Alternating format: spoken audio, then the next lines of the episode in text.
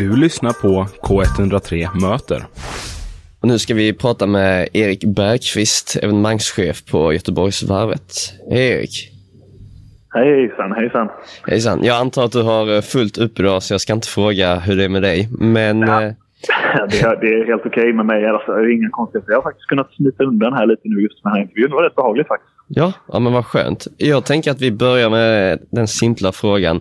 Vad är Göteborgsvarvet, för den som inte vet? Göteborgsvarvet är ju ett av världens största motionslopp som drivs av Göteborgs friidrottsförbund, en ideell förening. Och eh, hela överskottet med eh, loppet är ju, eh, går tillbaka till idrottsrörelsen, inte minst de friidrottsföreningar som är anslutna till förbundet. Så det är en ideell verksamhet i grund som har utvecklats till en, en fantastisk möjlighet för Göteborg att ta en position på kartan. Mm. Jag tänker, vad skiljer årets lopp från tidigare? Ja, men vi, vi försöker ju alltid utveckla oss och eh, jag tror att eh, löparupplevelsen i år för löparna kommer vara väldigt, eh, väldigt omfattande. Vi, vi har efter målgång en stor satsning på vårt eh, after run-område och vår runner zone. När man går mål så ska man ha det riktigt, riktigt bra. Utöver det så stärker vi upplevelsen på banan med eh, både DJs och musikstationer i större utsträckning än tidigare. Och det känns som att eh, det är den vägen vi vill gå för att ja, leverera ett, ett världsklasslopp helt enkelt. Ja, nej, jag förstår det, för jag var själv och hämtade ut eh, nummerlapp igår. Man, där var det ju verkligen ett stort evenemang i Friidrottens hus med eh, montrar och liknande. Jag antar att ni har satsat på det också då?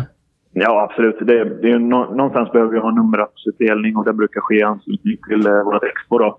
Och eh, Göteborgsvarvet är ju ett, ett av många evenemang i veckan. Expo är en del av det och parallellt med de här förberedelserna inför morgondagen så har vi ju kört ett lopp även idag i specialvarvet här på, på Slottsskogsvallen.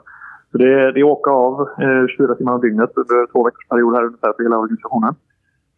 Ja, nej precis. Jag tänkte fråga om det. Specialvarvet idag. Hur, eh, hur har det gått? Och eh, vad är det för någonting, ska jag säga? Specialvarvet är, det är en, ett fantastiskt lopp för um, ungefär idag. Det har 2500 deltagare i alla åldrar med uh, någon form av funktionsvariation. Det, är, det startar inne i Slottsskogen vid uh, Björngårdsvillan. Så går man i mål på Slottsskogsvallen. Alltså det är precis utanför där jag sitter och gör den intervjun. Så är det tusentals människor som går i mål.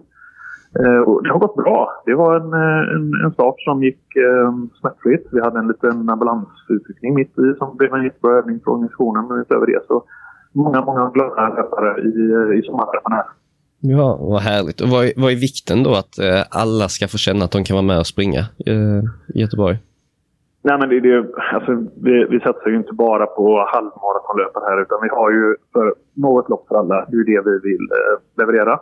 Så från att man är 0 till 6 år kan man springa minivarvet och är man från eh, någon av våra samarbetspartners dagligverksamheter som, som vill springa och vara med i specialvarvet idag så kan man göra det. Med lilla varvet på söndag för de lite äldre barnen och sådär. Det, det finns någonting för alla som ska eh, passa där. Ett, en del av vårt uppdrag är att sätta människor i, i rörelse helt enkelt. Och det är, vi, det är vi stolta över att vi kan göra på alla sätt. Det är, förlåt, det är ju jättebra att man känner så. Du sa att du hade två veckor framöver. Vad har ni mer för varv då? Bortsett från specialvarvet och Göteborgsvarvet. Ja, men två, två veckor framöver. Vi, vi, har, vi kör i två veckor Mm. ungefär med eh, byggnationer och sen så har vi en avvecklingsperiod. Eh, Det är ganska omfattande byggnationer och produktionsdelar av ett så här stort evenemang. Så det tar nästan lika lång tid att plocka ner allting som att sätta upp det. Ja, jag förstår. Det är därför den, den stora tiden krävs. Då. Just det, just det. Jag tänker, eh, vad har du för rekommendationer för eh, förstagångslöpare, eller ni från Göteborgsvarvet? Ja, jag skulle nog säga att man eh, bör ta det lite lugnt faktiskt i början eh, och känna lite på, på tempot och farten. Det, det är tufft, eh, tufft första halva så man kanske ska börja med att eh, satsa på att gå ut lite lugnt och sen öka efter, efter halva loppet helt enkelt så man känner sig pigg. Sen är ju en allmän rekommendation nu inför morgondagen att äta och dricka mycket och framförallt salta maten lite extra för det kommer bli varmt. Mm. Det kommer bli fantastiskt för publiken längs med banan men för löparna kan det bli lite utmanande. Så det, är en, eh, det vill jag nog nästan tipsa alla om att, eh, att verkligen fokusera på att dricka och äta rätt och gärna salt då.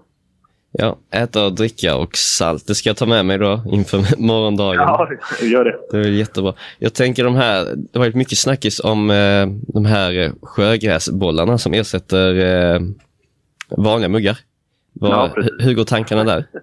Nej, men det, tankarna går väl rätt bra. Jag är väldigt så här, nyfiken själv på hur de fungerar. Vi fick prova dem på dagens eh, morgonmöte. Och, eh, det var man stoppar in ungefär en cherrytomat i munnen som man blir tråd på.